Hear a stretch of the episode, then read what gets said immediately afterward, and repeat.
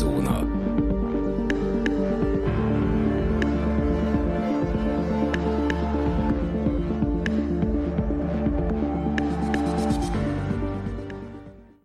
Köszöntjük a kedves hallgatókat, ez itt a Szürke Zóna Podcast, a mikrofonnál Rezső, valamint állandó vendégem Dani. Sziasztok! A mai napon az Elfeledett Bűnök című sorozatunk második részéhez érkeztünk, ami nem egyébről szól, mint az MK Ultra projektről.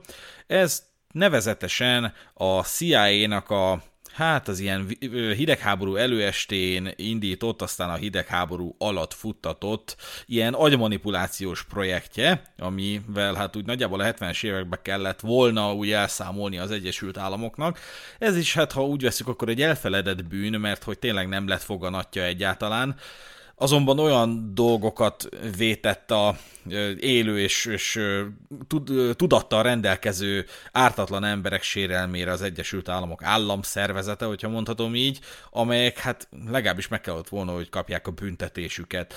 Ezzel kapcsolatban fogunk egy picit kifejtősebben beszélni. A, megjegyzem, hogy a forrásunk az a Mink Andrásnak a Manzsúriai Emberünk című írása volt, hát ez ez csak érintette gyakorlatilag ezt az MK Ultra projektet, de na, mégiscsak egy nagyon átlátható és letisztult képet adott nekünk erről a sztoriról, és hát ez számotokra is elérhető, mert hogy ez gyakorlatilag a régebbi sajtónak a, az egyik leágazása. 2004. február-márciusában jelent meg a Beszélő című magazinban, amit ugye egy Arcanum előfizetés jó voltából ti is el tudtok érni, az linket elhelyeztük a show notes-ban. Dániel, mit gondolsz a mai témánkról? Hát most már több epizódban felmerültek témák, amik ugye így a 20. században zajlottak le. Hát ugye ezek között volt például a lobotómia, meg voltak ugye tömeges szektoröngyilkosságok, meg hasonlók, és hát ennek a témának a keretein belül ismét rá kellett jönnöm, illetve hát megerősödött már az a korábbi felfedezésem, hogy ez a 20. század, ez egy hát eléggé szörnyű száz év volt, mert nagyon sok modernebb találmány, meg, meg eljárás, meg minden egyéb, ami nem volt feltétlenül annyira emberséges, azt ugye ezekben az időkben fedezték föl, vagy, vagy tökéletesítették, idézőjelesen, és hát ugye a CIA sem volt rest, és nem voltak tétlenek, és ugye ők is próbálták ugye hozzátenni a maguk kis felfedezéseit, hogy ugye gyakorlatilag ezen a téren is ezt a Oroszország versus Amerika konfliktust, ami ugye a hidegháború meg minden egyébben megfigyelhető volt, azért erősítették rendesen a frontvonalat a,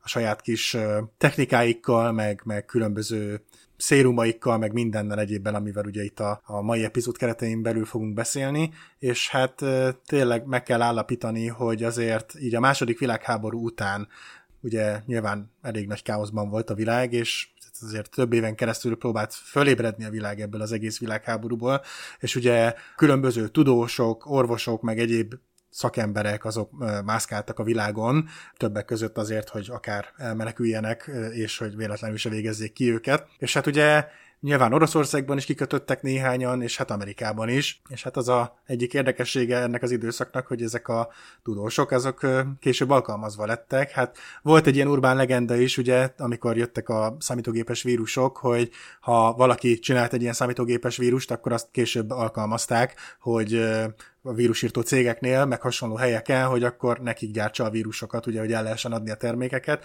Hát ez nem volt végül is egy annyira modern találmány, mert itt már az 50-es évek környékén is rendszeresen alkalmaztak háborús bűnösöket, meg egyéb tudósokat, ugye akár a CIA-nál, meg egyéb amerikai szerveknél is. Hát azért szerintem kapaszkodjon meg mindenki, mert tényleg a CIA az elég durván kihasználta az embereket, és elég durva metódusokat tesztelgettek olyan embereken, akik erről nem feltétlenül tudtak. A tudatmódosítás, az agymosás és az igazságszérum előállításának lehetősége a második világháború óta izgatta az amerikai titkos szolgálatokat. Ebben szerepet játszottak a hírszerzés és a kémkedés elemi érdekei. E foglalkozás örök kérdése, hogyan lehet saját ügynökeink megbízhatóságát ezer százalékig biztosítani, és hogyan lehet leleplezni a befurakodott ellenséges kettős ügynököket, sőt, hogyan lehet az ellenséges ügynököt szakszóval visszafordítani, és már ekkor gyakorlatilag a világháború alatt után felmerült a gyanú, hogy az ellenséges hatalmak, ugye amerikai oldalról beszélünk, az ellenséges hatalmak olyan tudatmódosító, agymosó technológiák birtokában vannak, amelyekkel akár tömegeket is képesek manipulálni. Hasonló aggodalmakat vetett fel a Szovjetunió beli koncepciós perek, nevezetesen, hogy mivel érhették el, hogy a vádlottak farccal minden ellenkezés nélkül beismerjék a legképtelenebb vádakat. Mivel az amerikaiak értemszerűen nem hittek a kommunizmus eszméjének bűvös erejében, ezért racionálisabb, vagyis józan észsel is belátható magyarázatot kerestek a jelenségre. A vádlottakat minden a különböző drogokkal és hipnózissal hozták önkívületi állapotba. Tehát ez volt a magyarázat az USA oldaláról. Uh-huh. A hidegháború kitörésekor, amikor újra alapították a háború után megszüntetett amerikai civil titkos szolgálatot, ez ugye a CIA előtt szervezete volt, azaz az OSS, a tudatbefolyásolás problémája is újra az érdeklődés homlokterébe került, különösen, hogy a koreai háború alatt is voltak olyan tapasztalatok, amelyek arra engedték az USA döntéshozóit következtetni, hogy az emberi tudat hadszinterén a háború már elkezdődött, épp csak Amerika késlekedik még azzal, hogy belépjen. A koreai háború egy kevéssé ismert vonatkozása, ami akkor csak fokozta a gyanút, hogy az oroszok tudatmanipuláló csodaszerek birtokában vannak. Az történt ugyanis, hogy a fogságba esett amerikai katonák 70%-a tett nyilvánosan olyan nyilatkozatot, amelyben elítélte a háborút, és vagy beismerte, hogy az amerikaiak vegyi és biológiai fegyvereket is bevetettek. 15%-uk pedig teljes körű együttműködést vállalt fogva tartóival. Az volt a gyanú, hogy, hogy ezek a katonák agymosásnak estek áldozatul. Uh-huh. Ennél is nagyobb megrökönyödést keltett, hogy ezek a katonák a szabadulás utazásuk és hazatérésük után sem vonták vissza nyilatkozatukat, vagyis nyilvánvalónak tűnt, hogy olyan kezelésnek vetették alá őket, amelynek segítségével hosszabb távra is sikerült őket beprogramozni. A hadifogoly táborok kínai területen Manzsúriában voltak, ahol bizonyíthatóan szovjet szakértők is segítették a kínaiak munkáját.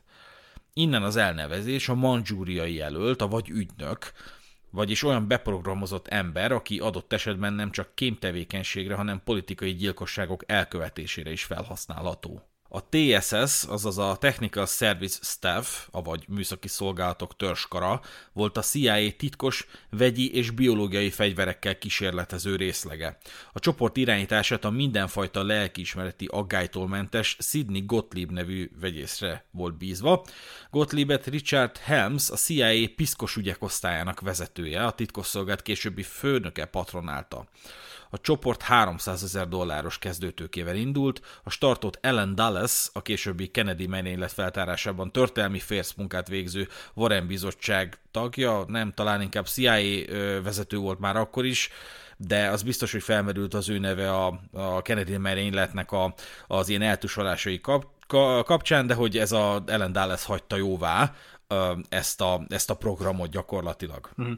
Az első programot a CIA 1949-ben indított, amelynek kettős célja az volt, hogy a titkos szovjet technológiákat feltérképezze, valamint hasonló eljárásokat kidolgozzon. Az egyik legígéretesebb szernek az LSD látszott. Az LSD-t Albert Hoffman, svájci kémikus, a Sandoz gyógyszergyár kutatója fedezte fel, még 1943-ban. A CIA 1949-ben figyelt fel az LSD-vel kapcsolatos kutatásokra. Őket természetesen nem a gyógyászati alkalmazás érdekelte, hanem az, hogy a szer segítségével hogyan lehet az emberi tudatot ellenőrzés alá vonni. A munkatársak először saját magukon próbálták ki az LSD hatásait, de már 1953 őszén úgy döntöttek, hogy ez nem megoldás, csak gyanútlan személyek beetetése járhat eredménnyel. Az egyik résztvevő a későbbi tényfeltáróknak így nyilatkozott az LSD használatáról. A legizgalmasabb az volt, hogy már parányi mennyiséggel is ilyen fantasztikus hatást lehet elérni. Arra gondoltunk, hogy egy város ivó, ivóvizébe LSD-t keverünk, és így a lakosokat olyan többé-kevésbé eufórikus állapotba hozzuk, amelyben édes keveset törődnek tulajdonbiztonságukkal. Ilyen előzmények után baráti vacsorát rendeztek a Marylandi Fort Dietrich támaszponton dolgozó tudósok számára, és az italukba LSD-t csempésztek. A kísérlet azonban balul ütött ki, mert a jelek szerint nagyon is eltérő az egyes emberek LSD tűrő képessége. Mint ahogy az előző témánál is beszéltünk már arról, hogy ugye különböző kísérleteket végeztek embereken, és ugye a tudósok meg orvosok ezt így többnyire úgy könyvelték el, hogy hát hasznos információhoz jutunk hozzá, azért itt is visszaköszön, és ez mennyire érdekes, hogy ezeket a, az éveket tényleg ez jellemzi, hogy a, azért a világ minden pontján, mert nyilván a szerintem mindentől függetlenül Európában is bőven, és még Oroszországban is lehettek azért hasonló kísérletek, hogy új szereket, új eljárásokat teszteltek embereken, és nem is igazán vették figyelembe azt, hogy ugye akár beleegyeznek az emberek, meg hogy bármi bántódásuk essen az embereknek, ezzel ugye annyira nem nagyon töröttek, hanem azzal töröttek, hogy hát ugye ezeket az információkat, felfedezéseket, ezeket fel tudjuk használni, és akkor később ugye alkalmazni tudjuk, hol annak érdekében, hogy megvédjük országunkat, hol pedig annak érdekében, hogy nem tudom, valami újat felfedezzünk, de, de hát igen, sajnos a CIA sem maradt ki ebből, mint ahogy a, az előző részben ugye a, a japán-kínai konfliktusnál is azért hallhattuk, hogy milyen szörnyűségekre voltak képesek az orvosok annak érdekében, hogy a tudományt előre vigyék. Alapvetően ez a törekvése a CIA-nak, hogy hát lsd be egy egész várost, aztán mennyire jó lesz. Valóban elrentető, már ha csak abban gondolkodunk, hogy tényleg ezt az ilyen mengelei hagyatékot, hogyha nevezhetem így, ezt leginkább az Egyesült Államoknak sikerült tovább vinni így az a második világháborút követő évtizedekben. Nem csak ugye német tudósokat ö, alkalmaztak az atomfizika terén, de még gyakorlatilag japán orvosokat is, akik ugye, mint mondta te is, és mint az előző epizódunkból kiderült, de iszonyatosan kegyetlen emberkísérletek útján jutottak olyan adatok birtokába, amelyeket hát hasznosították az Egyesült Államok irányába, cserébe pedig nem kellett leülniük a büntetésüket, sőt, meg se kapták a büntetésüket, amelyeket háborús bűncselekményekért kellett volna kapniuk. De alapvetően, hogyha visszacsatolunk arra, hogy hát LSD, most uh, itt össze lehet kuncorászni, hogy ez ú, izé, LSD, uh, engem lehetett volna így kínozni uh, LSD-vel. Én nem, nekem nincsenek tapasztalataim az LSD-vel, de hogyha arra gondoltok, hogy, hogy akkor le, gyakorlatilag a, a háborúzásnak legyen egy olyan iránya, hogy a, az ilyen tudatmódosító szereket, azokat vessük be a hadszintéren, akkor végső soron egy humanitárius cselekmény, kezd el feltárulni. Vagy hát a, a, a háborúzásnak egy, egy kisé humánusabb leágazása, ugyanis tegyük fel azt, hogy például egy nagy hatalom el szeretne foglalni egy települést, egy, mondjuk egy hatalmas, katonailag megfelelően védett települést. Na most ennek gyakorlatilag a második világháborúig bezárólag nem voltak valami jó megoldásai. Tehát egyrészt meg kellett ágyúzni a települést, vagy meg kellett bombázni, a terrorbombing, ugye, hogy ne idézzük fel, de ugye London gyakorlatilag így próbálta a náci Németország arra rábírni, hogy, hogy tárgyaljon, vagy legalábbis kössenek valamilyen meg nem támadási szerződést, hogy újra és újra bombázta a civilek lakta terület, területet, amikor, ugye, amikor is ugye maga az Egyesült Királyság is úgy volt, hát ugye, hogyha láttátok a, az utolsó órát a Winston Churchill azon időszakára szóló történelmi filmet, akkor láthattátok, hogy ilyen esetben szinte azon, azonnal elkezdi neked mondani mindenki, hogy hát de egyezzél már ki, de hát egy agresszorral nem lehet kiegyezni, hát akkor nincsen értelme senkinek, semminek, akkor adjuk oda az összes ország összes települé, vagy területét az agresszornak, és akkor nem lesznek terrorbombingok, tehát nem így működik a világ.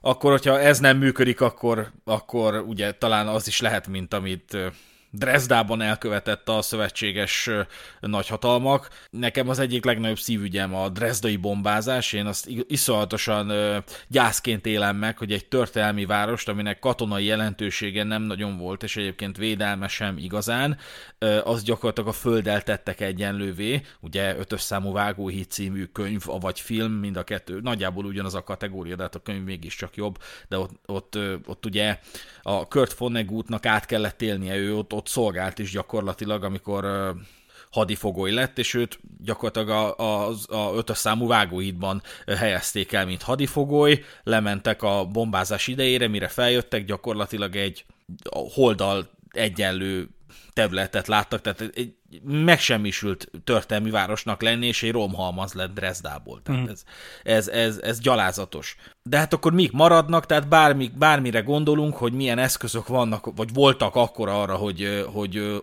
városokat elfoglaljanak a, a, a szemben álló felek, hát nem a legjobb megoldások, tehát hogy csak is olyan megoldások voltak, amelyek ember életekbe kerültek. De, és akkor erre jött a CIA, hogy figyelj, semmi ilyesmi, keverjünk a vizükbe, vagy valahogy jutassunk el a szervezetükbe LSD-t, és akkor bevonulunk, és ezek ott fognak ilyen euforikus állapotban feküdni, szépen bemasírozunk, és ők legfeljebb azt mondják, hogy dűk, mi, mi van, te is látod? Tehát, hogy így alapvetően ez, ez nem egy rossz elképzelés, csak, csak, csak így, így történelmi távlatból gondoljuk azt, hogy CIA LSD-vel kísérletezett egyébként, hogyha valaki látta a Kecskebűvölők című filmet, The Man Who Stared at Goats, azt hiszem ez az angol címe, ott egy picit ilyen barátibban volt ez az MK Ultra projekt bemutatva, hogyha hihetünk annak, hogy ide vezették vissza ezt a dolgot, de hát valójában ez nem volt egy, egy ilyen baráti dolog, valójában emberkísérletek zajlottak.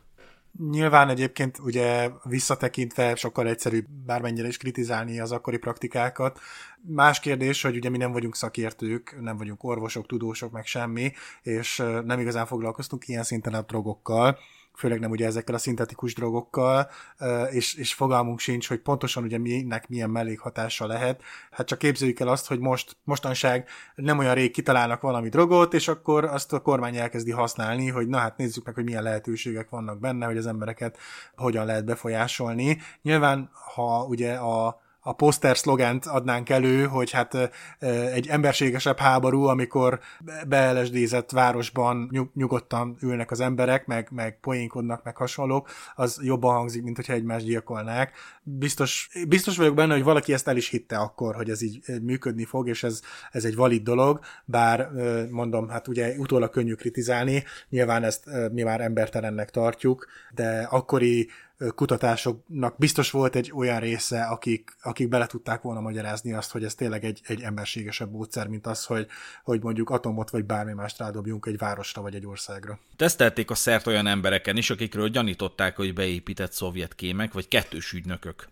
A vizsgálatok során kiderült, hogy a szer valóban alkalmas esetenként igen súlyos következményekkel járó tudatzavar előállítására, de arra, amire szánták a legkevésbé sem. Nem használható sem igazságszérunként, sem pedig arra, hogy embereket beprogramozzanak. Kutatások egyetlen történelmileg figyelemlemértó melléktermék az LSD, mint kábítószer meghonosítása, ezáltal az 1960-as évek hippi kultúrájának megalapozása volt az Egyesült Államokban. A kísérletek egyik résztvevője nem volt más, mint Timothy Leary, akkor fiatal pszichológus professzor, aki a 60-as évek egyik nevezetes drogprofétája lett. Gregory Bateson, antropológus és filozófus Margaret Mead első férje 1959-ben Harold Abramson-tól kapta az első adag LSD-t, Abramson pedig a CIA által támogatott Macy alapítvány megbízásából végzett LSD kutatásokat. Bateson volt az, aki a kísérletezésbe bevonta barátját, Ellen Ginsberget, Bateson ez időben a Palo Altói veterán kórházban dolgozott, ahol dr. Leo Hollister folytatott újszerűnek ígérkező drogteszteket, szintén a CIA pénzén.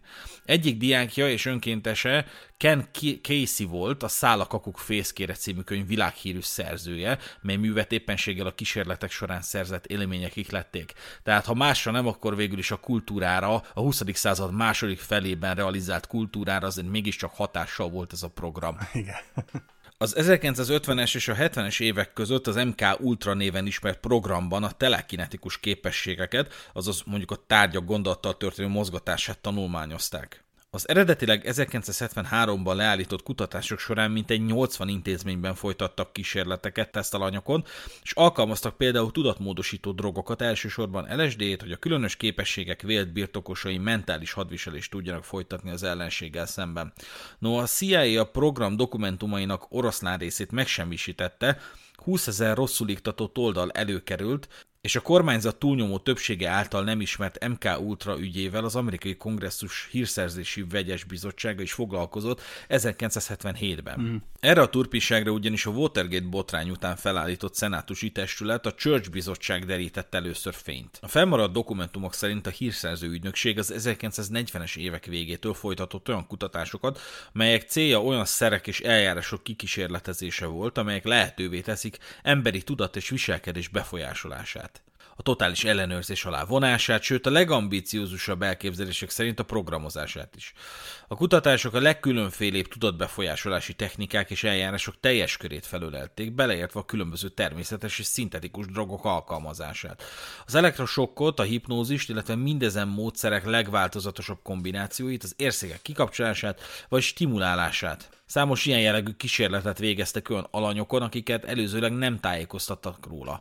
Az előzetesen tájékoztatott önkéntesek várható reakcióit ugyanis döntően befolyásolta volna, hogy tudomásuk van arról, hogy valamilyen szert kapnak, és hogy az okozza viselkedésük megváltozását. Tudomásom szerint az egyik uh, ember, akinek kulcsfontosságú szerepe volt ezekben a, a tesztelésekben, az Donald Ian Cameron, aki 1901-ben született, és egy skót származású pszichiáter volt. Gyakorlatilag ő volt az egyik ember, aki a pszichológiai és orvosi kínzás technikák kifejlesztésében részt vett, és többek között a sokterápiát és a kísérleti drogok, mint például a hát magyarul nem találtam rá megfelelőt, kuráre drog lefolyásában részt vett, és hát igen, ugye a pacienseknek is foglyoknak adta be idő közönként tudtuk nélkül, és a célja az volt, hogy ezeket a betegeket nagyjából egy újszülött szintjére, mentális szintjére hozza le, hogy ezáltal zavartalanul tudja őket beprogramozni. Az egyik szerintem legszörnyűbb dolog, amit hogyha jól emlékszek, akkor talán a lobotómiás epizódunk során is megemlítettünk, ugye, hisz ezek, ezek nagyon-nagyon közel vannak egymáshoz, ezek a különböző kísérletek és hát kínzási módszerek a lobotómia val egy, egyszerre történtek nagyjából, hogy hipoglikémiás kómába, vagy hát ugye inzulin kómába helyeztek betegeket 30 vagy akár 35 napon keresztül.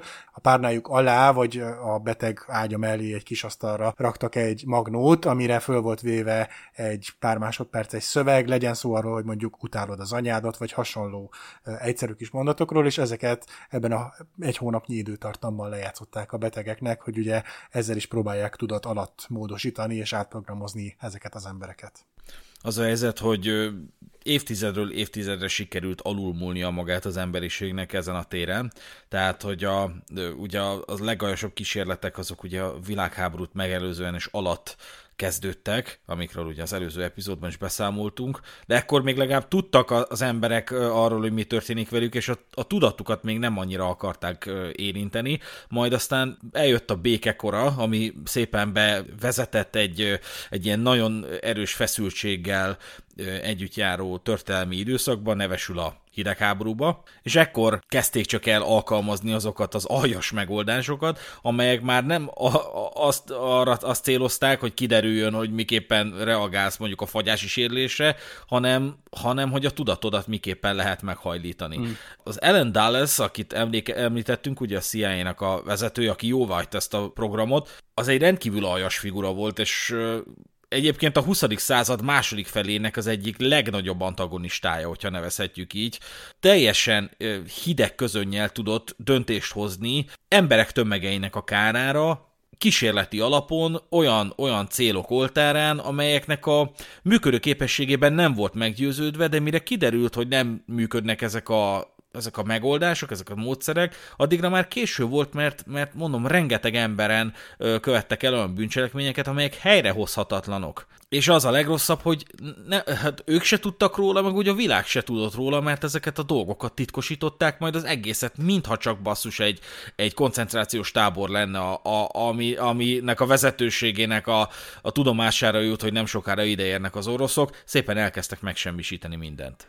Igen, egyébként egy-két helyről még azt is hallottam, hogy ez a ellenfigura is gyakorlatilag bedölt ennek az egész agymosós, igazságszérumos propagandának, mert ugye ez akkoriban elég nagy hátszelet kapott, és tényleg szinte prioritást élvezett sok szempontból, és hogy gyakorlatilag ő is ilyen szinten meg lett vezetve, hogy hát ez egy fontos dolog, és hogy ezért is hagyott ennyi mindent jóvá, és ezeket az embereket teret adott gyakorlatilag, meg pénzt, meg mindent, hogy ugye ezeket a kísérleteket végrehajthassák. A CIA fedett pénzalapokból és vele együttműködő alapítványokon keresztül tucatnyi amerikai egyetem, kórház, klinika és kutatóintézet ezirányú kutatási programjait és tudósait, orvosait, pszichiátereit fizette oly módon, hogy esetenként a kutatást végzők sem voltak tisztában az általuk végzett munka valóságos céljával.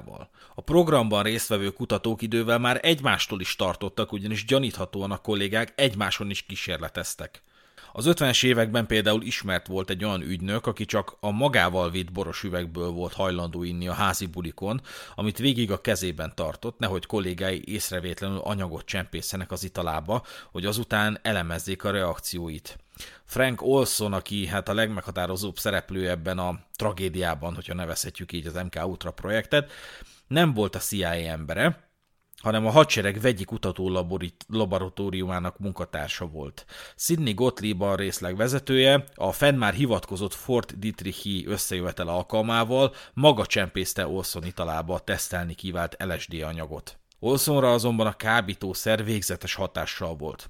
Rosszul lett, és a rosszul létéből napok múltán sem tudott magához térni. Paranoiás rohamok gyötörték, amiket csak fokozott, hogy természetesen halvány fogalma sem volt arról, hogy egyre súlyosabb neurotikus rohamjai, amelyeket saját elméje megbomlásának tüneteként észlelt, valójában a beadott szer utóhatása. Olszont állandó orvosi felügyet alá helyezték, de őrei éberségét kiátszva néhány nappal később kiugrott egy New Yorki szálloda tizedik emeletéről.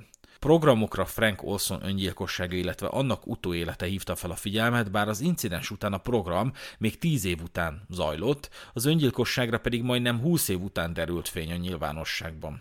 Jellemző, hogy az Olson család is csak 22 évvel később értesült a halál tényleges okáról. A lapok ugyanis ekkor tették közé a Rockefeller bizottság jelentését a CIA illegális akcióiról.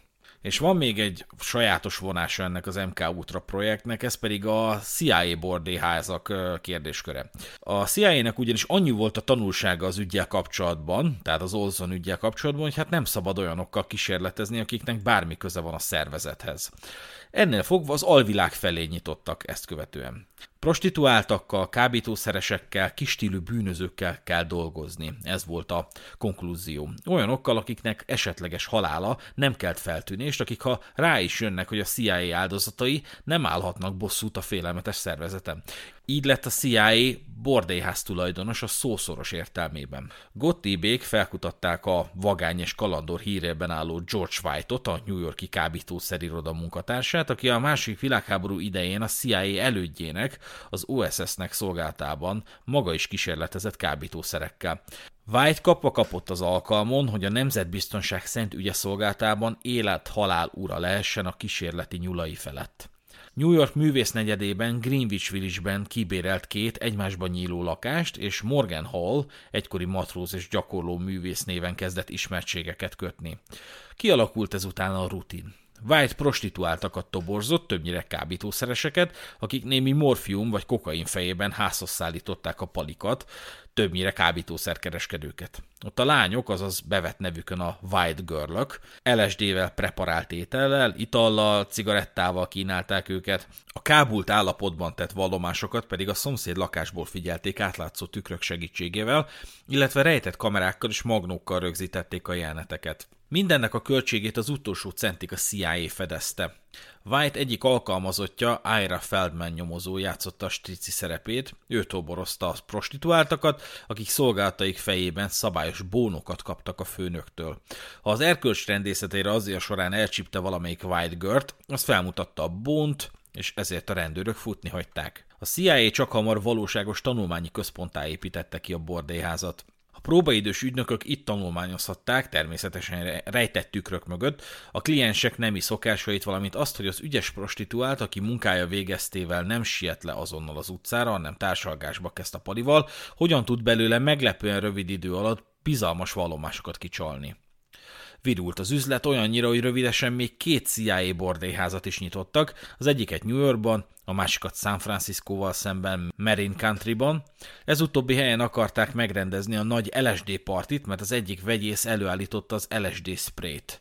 Nagy társaságot hívtak meg, és az MK Ultra egyik munkatársának kellő pillanatban titokban be kellett volna permetezni a vendégeket. A kísérlet azonban nem sikerült, legalábbis David Rhodes ezt vallotta később egy szenátusi vizsgálóbizottság előtt, mert a trópusi hőség miatt ki kellett nyitni az ajtókat és ablakokat, és ezzel elpárolgott a halucinogén anyag. Zavartanul folytak a kísérletek, míg nem John Barman, a TSS új vezetője egy rutinvizsgálat során rá nem bukkant a CIA bordélyházakra. Semmit sem tudott róluk, akár csak John McCone, a CIA új vezetője sem, aki akkoriban már egy éve hivatalban volt.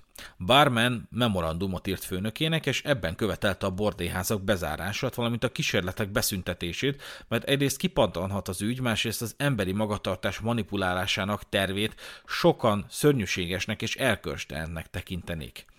Hiába próbálkozott Richard Helms hosszú utódvédharc után 65-ben bezárták a három CIA bordélyházat, és leállították az MK Ultra programot.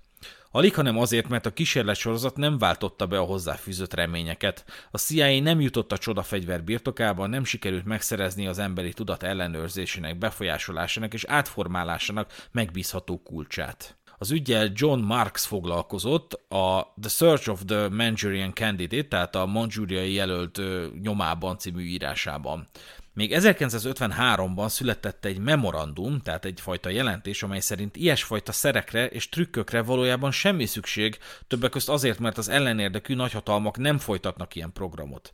A jelentés szerzői dr. Harold Wolf, a kor világhírű neurológus és kollégája Lawrence Hinkle, a Cornell Egyetem orvosi fakultásának professzora, ellen Dulles CIA igazgató megbízásából elemezték a kommunista agymosási és vallatási technikákat a rendelkezésre álló adatok és információk alapján. A két tudós többek között részletes mély interjúkat készített korábbi kommunista vallatótisztekkel és egykori foglyokkal egyaránt. Végül arra a következtetésre jutottak, hogy a sztálini kor politikai rendőrsége valójában a terror, a fizikai kényszer és pszichológiai nyomás, az elszigetelés, a megalázás és a kiszolgáltatottság hagyományos, hagyományos eszközeit alkalmazta, példátlan és hatékony brutalitással. A CIA kutató részlegénél azonban nem hittek ezeknek a megállapításoknak, és ott is a mondzsúriai ügynököket látták, ahol valószínűleg nem voltak ilyenek. Például Lee Harvey Oswaldra, ugye Kennedy merénylőjére, hivatalos jelentés szerinti merénylőjére gyanakodtak, hogy mivel megjárta a Szovjetuniót, ott biztos beprogramozták, hogy, hogy adott jelre, gyilkoljon. Többek között emiatt is a 70-es évekig folytatták az MK Ultra programot. John Marks, tehát ennek a korábban említett írásnak a szerzője a következő megállapítással zárja könyvét. Nem állíthatom teljes bizonyossággal, hogy az emberi tudat ellenőrzését biztosító technológiát soha nem fedezték fel. No, szeretném úgy hinni, hogy az emberi szellem legyőzte a manipulátorokat. Egyébként, amikor én is elkezdtem egy kicsit nézelődni ezzel a témával kapcsolatban, akkor nekem is nagyjából az első gondolataim között volt az, hogy hát ugye, ahogy már talán a műsor elején is említettük, hogy Amerika és Oroszország volt itt a két nagy játékos, hisz ugye évtizedeken keresztül versenyzett egymással a két hatalom, ugye hát a, a holdra szállás, különböző technológiák, kémkedés, mi, amit el tudunk képzelni, ugye hát az atombomba is köztük volt, és nekem is ugye az volt az egyik gondolatom, hogy hát Hát igen, nekem egy kicsit talán az lenne logikusabb, azok által az információk által, amiket itt tudtam az orosz országi módszerekről, hogy való, valóban inkább tényleg ez a fizikai kényszer, elszigetelés, megalázás és, és hasonló metódusok alkalmazása volt talán inkább a bevett praktika, mint az, hogy itt, itt próbáljunk különböző szerekkel befolyásolni embereket. Biztos vagyok benne, hogy azért voltak ilyen jellegű próbálkozások is az oroszoknál is. Ha már másért nem is, akkor csak azért, mert esetleg a kémiaik megtudták, hogy a CIA foglalkozik ilyesmivel, de érdekes volt azért azt hallgatni, amikor nézegettem egy-két videót, csak egy-két ember kellett a CIA-nál, aki, akinek egy kicsit, hogy mondjam, jobban helyén volt így a, a morális iránytű, vagy hogy fogalmazzak, és, és azt mondta, hogy hát azért ezt így lehet, hogy nem kéne csinálni, mert hogy nem etikus, meg hogy, hogy igazából nem is kérdezzük meg az embereket, nem kell, hogy beleegyezzenek abba, hogy itt kísérletezgessünk rajtuk, és benne egyből felmerült ez a kérdés, hogy na vajon mi lett akkor, mi lett volna akkor, hogyha ez az egy-két ember nem bukkan fel, nem kezdenek el valamilyen szinten auditálni ugye a CIA-n belül, nem kezdenek el föltenni kérdéseket, hanem egy Ellen Dulleshez hasonló CIA igazgató marad marad végig, meg a, a, az ő emberei is ilyen mentalitásúak lesznek, és ki tudja, hogy ez meddig húzódhatott volna el. Ugye addig nem merültek fel ilyen kérdések, amíg ezek az emberek nem jöttek elő, és, és nem mondták azt, hogy gyerekek, ezt nem biztos, hogy így csinálni kellene. A magam részéről azt gondolom, hogy hát érthető a szándék, ha nem is megérthető, de logikus a szándék az emberek beprogramozására, vagy az a, az a szándék végül is logikusnak tűnik, hogy hogy bizonyos nagyhatalmak, vagy bizonyos ilyen döntéshozó körök valahogy programozni kívánják az emberi viselkedést. És ezt elmagyarázom, hogy miért gondolom. A leginkább én az információbiztonság területén véltem felfedezni egy mintát, hogy azok az eszközök, amiktől a szakma teljes őszintességgel várja el a kockázatok hatékony csökkentését, vagy csökkenését, valójában a kihasználható emberi hibák miatt hasztalanok. Itt van például ugye a nyakba akasztható azonosító kártya kérdésköre, ami hát legalábbis mondjuk egy védelmi funkciót lenne hivatott ellátni, tehát hogy csak azonosítható ember tudjon belépni egy védett övezetbe, egy mondjuk egy ilyen, ilyen jobban védett területre, eleve ugye csak azt tud belépni, akinek van ilyen nyakba akaszthatója, tehát ahhoz, hogy belép, kapnod kell egy ilyen nyakba akaszthatót, ami csak a cégnél van, tehát ez hivatalosan, és hogyha teljesen őszinték akarunk lenni, és ne, kellően naívaknak is tűnünk, akkor nagyjából ez lenne ennek a funkciója.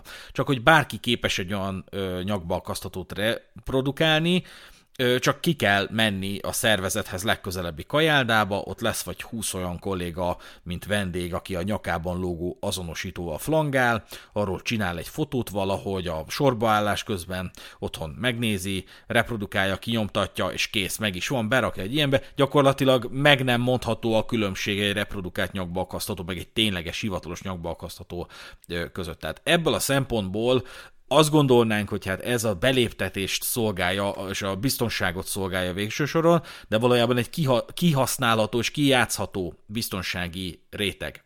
Na hát erre az a válasz a szakmának, hogy jó, de legyenek a kollégák figyelemmel, ha olyan embert látnak mászkálni a munkahelyen, akit nem ismernek meg, független attól, hogy nyakba akasztható lóga a nyakába, meg hát az a színei alapján észrevehető, hogy a, hogy a, a munkahelyünknek a, a nyakba akaszthatója, de ebből ebből is mi tud következni? Hát elkéred, észreveszel egy olyan kollégát, akit nem nagyon ismersz, nem tetszik neked, hogy flangál a, a szerverterem környékén, vagy a, a vezérigazgatói ö, iroda környékén, akkor megállítod, megkérdezed, hogy segíthetek, ki vagy, meg ilyesmi, elkérdez az azonosítóját, hogyha nagyon gyanakó vagy, persze onnantól kezdve te vagy az évszázad idiótája, tehát hogy az, aki, aki egy, egy számára ismeretlen embertől megkérdezi, hogy megnézhetném az azonosítódat, tehát hogy az, az szerint szerintem tíz évig legenda lesz, hogy volt egy ilyen barom, aki, aki a három éve itt dolgozó Sándortól elkérte az azonosítóját. De akkor tök mindegy, elkéred, megnézed, de nincs meg a kompetenciát, hogy felismerj egy hamisítványt. És akkor jön a következő szint, hát a jó, mágneskártyás beléptetés. Tehát, hogy oké, okay, van egy nyakba akaszthatód, ami ki, hivatalosan ki, ki tudná szűrni azt, hogy csak olyan lépjen be, aki, aki azonosítható, akkor van az elvárás a kollégákkal, hogy azok igenis legyenek figyelemmel arra, hogy ismerik-e azt a valakit vagy sem, ellenőrizik a nyakba akaszthatóját, de nem tudják felismerni, hogy ez egy koholmány, mert nem rendelkeznek megfelelő kompetenciával, de akkor mondja erre a szakma, hogy hát ezért kell ilyen mágneskártyás beléptetés, hogy a, az üvegajtó mellé, mellé egy ilyen, ilyen olvasópanel, és akkor legyen a nyakba akaszthatón belül egy ilyen mágneskártya, és akkor az érintsék oda, és akkor tényleg csak azt tud bejönni, aki, akinek, akinek tényleg van ilyen megfelelő mágnese a nyakába. Na de hát erre van az úgynevezett piggybacking nevű technika, amikor lényegében egy ilyen nagyobb kontingens embertársaság mögött így besonfordálsz, úgy csinálsz, mint hogyha te is itt dolgoznál, megvárod, amíg mondjuk 5-6 ember így be akar jönni a kajálás után a munkahelyre,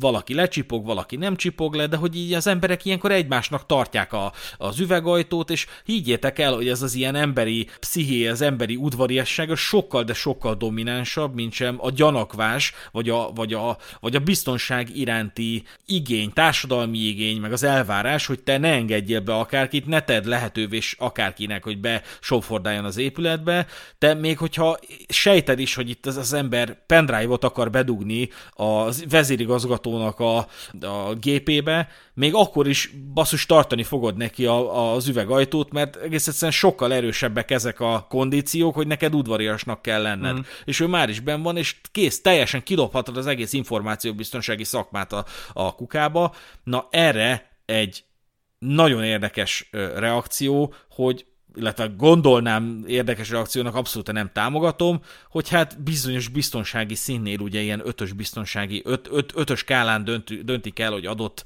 az információbiztonsági jogszabályok hatája alá tartozó szervezetnek milyen a biztonsági szintje, ugye az ötös szint az már valami iszonyat komolyan védendő sztori, de hogy, de hogy effektíve, hogyha úgy nyilván lehetetlen, ez tényleg hangsúlyozom egy gondolatkísérlet, de hogyha belekódolnánk ezekbe az emberekbe, hogy ne, ne tudatosan tudatosan reagálj ezekre az észlelésekre, hanem tudat alatt, mit kezd el verni a fejed a falhoz, vagy kezd el sikoltozni, hogy behatolás, behatolás. Tehát, hogy, hogy na, e, ilyen, ilyen logika mentén érthetőnek látom, hogy hát az emberek beprogramozása, tehát ez nem feltétlenül egy ilyen diabolikus dolog volt akkor, hogy hát szépen törjük meg az emberiség tudatát, és csináljunk belőle robotokat. Nem gondolom, hogy ez ilyesmi volt. Inkább arra gondolok, hogy, hogy nyújjunk át felettük, és építsünk bele, bele olyan, olyan parancsokat, amik lefutnak bizonyos dolgoknak az észlelése esetén. Csak e, ezután értelmszerűen a leglogikusabb lépés, hogy hát hogyha akkor egy, egy parancsot szeretnék, hogyha azt kell, azt, azt mondom, hogy mit tudom, kék az ég és zöld a fű, ezt háromszor elmondom, akkor ő meg akarja ölni az angol királynőt, vagy Frank Drebint, ugye? Hát igen, érdekes gondolatmenet, és ugye az a problémás része, hogy megint vissza kellene magunkat helyezni egy mennyi, nagyjából 70 évvel ezelőtti környezetbe, ahol ugye azért a technológia, meg minden más, meg eleve az emberek gondolkodása is teljesen más, hogy működik, megint csak ugye éppen, hogy nagyjából 10 évvel ugye egy világháború után vagyunk, közben azért van egy hidegháború, meg minden, úgyhogy abszolút nem is tudjuk magunkat belehelyezni ezeknek az embereknek a fejébe. Ez, ezek mentén viszont igen, elképzelhető megoldásnak tűnik az, hogy úgymond átprogramozzák az emberek gondolkodását, és akkor ezzel elősegítsék ugye a, a biztonságot, meg, meg tényleg a, a titoktartást, meg a hasonló, és akkor vannak meghatározott szerepek, egy úgymond kasztrendszer, és akkor ezt, ezt tök jól föl lehet építeni. Nyilván ez azért nehéz számunkra, mert azért azóta fejlődött a technológia, és most már lennének azért egyéb módszerek is, hogy jó, hát akkor mondjuk a hármas szintig mágneskártyával lehet belépni, és akkor utána a négyes, ötös, meg az x szintnél meg már adott esetben egyéb retina, meg mit tudom én, milyen új lenyomat, tök mindegy, sok technológia van, amivel ezt meg lehetne oldani. Nyilván hát ez rengeteg pénz, és azért is a különböző cégek ezek általában spórolnak ezen, és, és hát nyilván erre azoknál a cégeknél, amit én ismerek egyelőre az a megoldás, hogy van egy recepció, és akkor ott mindenképp át kell menned, de, de hát azért ott is ugye az emberek mondhatnak ezt, azt, amazt, amivel azért sikerül akár egy vendégkártya segítségével bejutni egy bizonyos szintig, és akkor onnan már valóban ez a piggybacking, meg, meg ezek a módszerek, amiket te felsoroltál, ott valóban tudnak működni. Úgyhogy hát érdekes, ugye párhuzam, hogy azért a mai világban is rohadtul nem figyelnek ugye a, a biztonságra, és ennek köszönhetően kéretlen emberek bejuthatnak olyan helyekre, ahova adott esetben tényleg be tudnák dugni a, a kis pendrive-jukat a, a vírusokkal, vagy le tudnák hívni az információkat. Úgyhogy, úgyhogy végül is ezt a problémát a mai napig nem oldottuk meg. De ezt csak azért mondom, mert hogy valóban egy 70 évvel ezelőtti világ, ahol a háborúk között vagyunk, valamilyen szinten logikus lépésnek tűnhetett az akkori embereknek az, hogy technológiával, meg, meg egyéb eszközökkel próbáljuk megvédeni magunkat, hanem konkrétan akkor menjünk le az emberi ö, ö, mentális szintekig, és akkor őt, őt próbáljuk meg beprogramozni, és akkor, és akkor garantáltan biztosak lehetünk abba, hogy ő a mi oldalunkon van, és azt csinálja, amit mi szeretnénk. Amikor ezek a dolgok kitudódtak, akkor a programban résztvevő értelmiségieket kivetette magából a tudományos réteg. 77-ben Michael Sertzer professzor elveszítette állásot a Brooklyn College-ben, Azért, mert kiderült róla, hogy részt vett a CIA által finanszírozott kutatásokban. Az amerikai tudományos élet jelentékeny hányadának egészséges erkölcsi érzéke elutasította az ezekben a kutatásokban való részvételt, és megbélyegezte azokat, akik vállalkoztak rá, főképp azért, mert nyilvánosságra került az MK Ultra fedő nevű, az 50-es 60-as években folytatott nagyszabású CIA kutatás témája. A hipnózisról nem beszéltünk még egy picit kimerítőbben, mert hogy ilyen szuggesztív megoldásokat igenis megpróbáltak volna alkalmazni. Ezt már az MK Ultra program előtt előszeretettel alkalmazták a titkos rendőrségek. Első alkalommal 50-ben használták vallatásra. A CIA speciális vallatótestületeket állított fel, melyek mindegyikében részt vett egy hivatásos hipnoterapeuta, így próbálták leleplezni az esetleges titkos ügynököket és a diszidenseket. Ennek a programnak előbb Bluebird, majd Artichoke volt a fedőneve, és ez utóbbi közvetlen megelőzte az MK Ultrát. Igen, hát ez is egy érdekesség szerintem ebben a történetben, hogy ez az MK Ultra, ez gyakorlatilag már egy, egy későbbi fázis volt, hogy hát ezeket is ugye különböző projektek, meg minden egyéb megelőzte, és hát az Artichoke, vagy hát ugye Artichoka volt a, az egyik korábbi projekt, amit ha minden igaz, akkor hivatalosan 1951. augusztus 20-án indították, és többek között azzal kísérleteztek, hogy ugye a hát idézőjeles pacienseket morfiumra kényszerítették, és ezekkel ugye gyakorlatilag függőséget okoztak ennél, ezeknél az embereknél, és ezt is megvizsgálták, hogy ugye mennyi idő alatt lehet függőséget okozni, mi kell hozzá, mennyire ellenálló a szervezet, és ugye hát amikor sikerült elérni a függőség állapotát, akkor természetesen ugye az elvonási tüneteket is, megvizsgálták. Ugye a, a hipnózis mellett volt még ez az egyik, egy idézet alapján ugye az volt a céljuk, hogy át tudjuk-e venni az irányítást az ember fölött, addig a pontig, hogy kövesse a parancsainkat, a saját akarata és a természet szabályait, mint például az önfenntartás ellenére. Tehát, hogy látszott, hogy ennyire akarták őket irányítani. Egyébként ez időtájt már, tehát így az 50-es évek elejétől fogva már kísérleteztek kokainnal, marihuánával, heroinnal és meszkalinnal is, és ugye hát később jött az, hogy akkor az LSD-re tekintettek úgy, hogy talán az lehetne a leghatékonyabb módszer, vagy drog, és egyébként azok az alanyok, akiknek sikerült így vagy úgy élve elhagyni a projektet, vagy hát úgymond túlélni, azok komoly amnéziában szenvedtek, és, és hát ezekkel a kísérletekkel kapcsolatban eléggé hiányos vagy ködös emlékeik voltak. Azt meg kell hagyni, hogy azért rengeteg módszert próbáltak bevetni, többek között egyébként sok terápiával, is ugye próbálták befolyásolni az embereket, és ezeket a, ezeket a hipnózis állapotokat elérni. Egyébként itt ezen a ponton még szeretném kiemelni, hogy ha minden igaz, akkor 140 valahány ilyen alprojektről volt szó.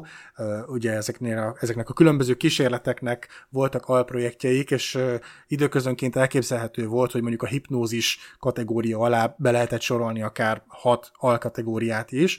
Elvileg 85 ilyen alprojektben nem embereken végezték el a kísérleteket, ami jól hangzik elsőre, de viszont sovány vigasz, mert ezzel ellenben ugye állatokat kínoztak és állatokon kísérleteztek. Az egyik példa, amit találtam, hogy például a 94-es és 142-es alprojektben azt tesztelték, hogy macskákba, illetve majmokba be lehet ültetni rejtett felvevő eszközöket, vagy akár fegyvereket is, de többek között delfineken is kísérleteztek, ahol az volt a céljuk, hogy betanítsák az állatokat, vagy akár távolról tudják őket irányítani. Beléjük ültettek egy valamilyen tűrendszert, azt akarták volna elérni, hogy rá lehessen venni ezeket az állatokat, hogy ugye meggyilkolják a célpontjaikat, akik nyilván többnyire búvárok lettek volna, és így tudják a hajóikat, illetve tengeralattjáróikat megvédeni volt egy olyan is, ahol például a négyes projekt vagy alprojekt keretein belül John Mulholland bűvészt megkérték, hogy az ügynökeiket tanítsa meg különböző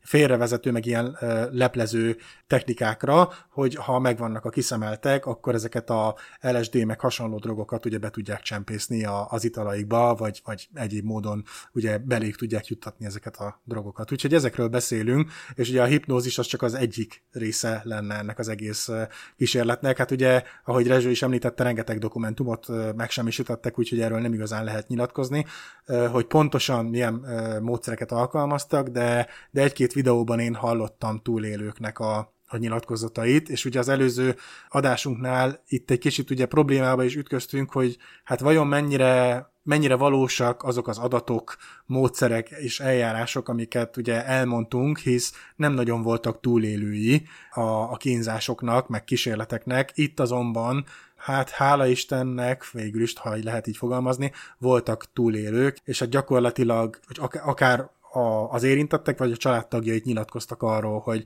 tényleg abszolút megváltoztak sok esetben az érintettek. Volt olyan, akinek a lánya nyilatkozott, hogy mielőtt bement ugye erre a hát terápiára, addig gyakorlatilag ő, mint a lánya volt a mindene, és ahogy kijött erről a terápiáról, gyakorlatilag rendszeresen verve lett a lánya az illetőnek, és hát amint említettem, ködös emlékek, amnézia, személyiségváltozás és hasonló eredményei lettek ezeknek a metódusoknak. A hipnózis mindazáltal túlságosan megbízhatatlan megoldásnak bizonyult a megálmodott célra vonatkozólag, tehát hogy irányított előre beprogramozott gyilkost tudjanak létrehozni, ugyanis nem lehet előre megállapítani, hogy hogyan fog egy személy viselkedni hipnotikus állapotban.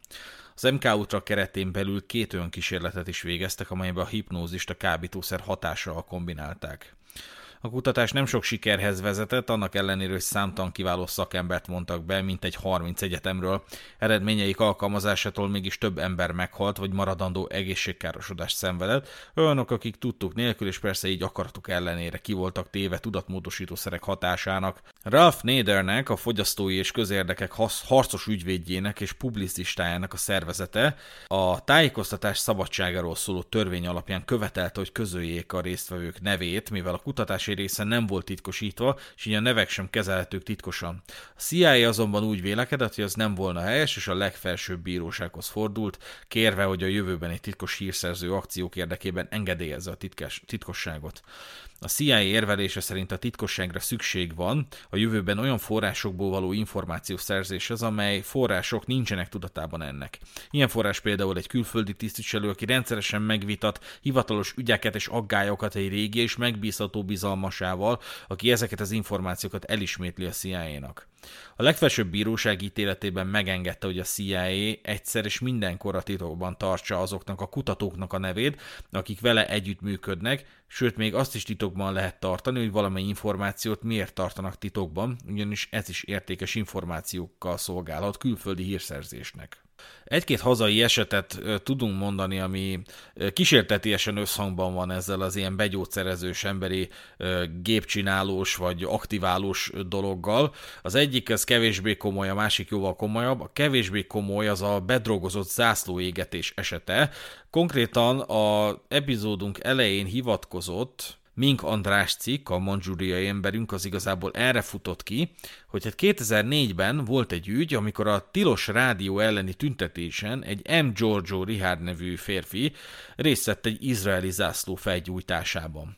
Az ellen a zajló garázdaság tárgyában folytatott büntetőper során azzal védekezett, hogy cukorkával kínálták, amit elfogadott, de aztán ennek hatására kifordult magából. M. Giorgio Richard azt vallotta a bíróságon, hogy a tüntetésen odalépett hozzá egy konszolidált kinézetű férfi egy nő társaságában, és uszodai ismertségre hivatkozva elővett egy kultúrát kinézetű, felirat nélküli csavaros tetejű cukorkás dobozt, és megkínálta egy kis kereklapos, mentolos ízű cukorkával.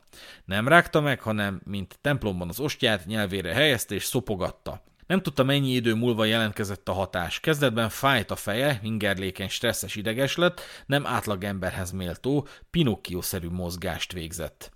Zászlóégetést megelőzően a rejtélyes férfi odalépett hozzá, és most légy hazafi buzdító szavak kíséretében kezébe nyomta a szövetet, és ő, mintha parancsra várt volna, meg is fogta azt a valamit, amiről csak később tudta meg, hogy zászló volt. Édesanyja úgy emlékezett vissza, hogy aznap fia ziláltan érkezett, nem tudta, hogy került haza, kabátját, csapkáját, kesztyűjét elvesztette, cipőjét másnap találta meg a kutya a kertben. Giorgio arca zöldes sápat pupillája tág volt, szeme fehérje pedig olyan színű, mintha a halpiacon a nem igazán friss halak húsának színe. A bíróság végül úgy ítélte, hogy M. Giorgio harmad magával a tömegpszichózis, mint sem valamilyen droghatás alá került. A másik eset pedig a Mincenti per, ugyanis egy korábbi CIA memorandum szerint a herceg prímást valamiféle ismeretlen erő segítségével manipulálták. A legvalószínűbb magyarázatnak a kábítószerezés és a hipnózis tűnt. Az államvédelmi hatóság nyomozói és a szovjet tanácsadók gyakorlatában a használatos pszichotróp szerek hatása alatt minden ellene felhozott vádat elismert, így a kifinomult kommunista vallatógépezet teljes bizonyossággal fenntarthatta a beismerő vallomást, a vádlottal a látványos per tárgyaló termében is, akár a legnagyobb nyilvánosság előtt.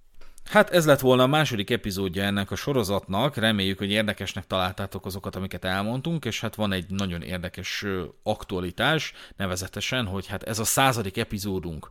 Itt most megérdemlünk egy hátbaveregetést, mert mag, saját magunktól persze, mert hogy hát mégiscsak száz rész, tehát hogy ennek az ízét azért át kellene érezni, hogy csinálunk egy podcastet, már idestolva majdnem két éve, és eljutottunk a századik epizódig. Nyilván, hogyha csak mennyiségét nézzük, akkor már túl vagyunk ezen, mert ugye szürke állomány rovat keretében kiadunk epizódokat, meg most már ugye elindítottam az ötödik lövés című rovatot, meg egyébként fogunk még egy csomó ö, egyéb rovatot is talán indítani, de hát mégiscsak ennek a szürke zóna sorozatnak, hogyha nevezhetem így, vagy évadnak, ennek mégiscsak a, a századik részéhez értünk, ami egy nagyon meghatározó pillanat. Már csak azért is, mert ehhez a századik részhez igazítunk meghatározó változásokat a podcastünk életében.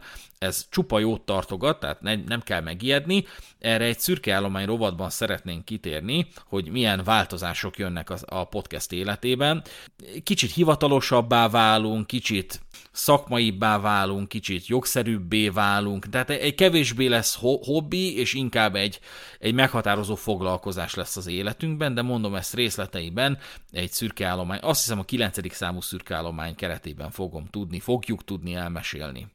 Hát igen, ahogy ezt a, általában a szürke állomány epizódokban szoktuk taglalni, hogy milyen szép mérföldköveket érünk el. Szerintem ez mindkettőnk számára egy nagyon szép kis mérföldkő volt, hogy száz epizódot elkészítsünk, hisz ez egy szép kerek szám. Én, én nagyon örülök, hogy sikerült ideig eljutnunk, hogy gyakorlatilag a 2023-as év elején értük el ezt az epizódot, ami azt jelenti, hogy a 2023-as évet még jobban meg tudjuk nyomni, és hát ugye majd akkor az állomány epizódban beszélünk a változásokról. Én innen küldeném akkor a hallgatóinknak a Leonardo DiCaprio-s kocintós mémet, és aki esetleg idáig meg is hallgatja az epizódot, attól szívesen fogadnám szerintem a Telegram csatornánkban, hogyha megosztaná ezt a kis gifet. És hát még, még sokszor ennyit kívánok magunknak. Így van, köszönjük, hogy velünk voltatok, úgyhogy tartsatok velünk a továbbiakban, és iratkozzatok fel, ha még nem tettétek, egyebek, lapozgassátok a show notes-ot, nézzetek érdekes linkeket, keressetek rá sokszor a Google-ba arra, hogy Szürke Zóna Podcast, akkor valami jó dolog biztos fog történni, nem értek hozzá, de mindesetre köszönjük, hogy velünk voltatok eddig is, és a elkövetkezendő száz részben is számítunk rátok. Én voltam Rezső, és köszönöm Dánielnek a részvételét. Sziasztok! Sziasztok!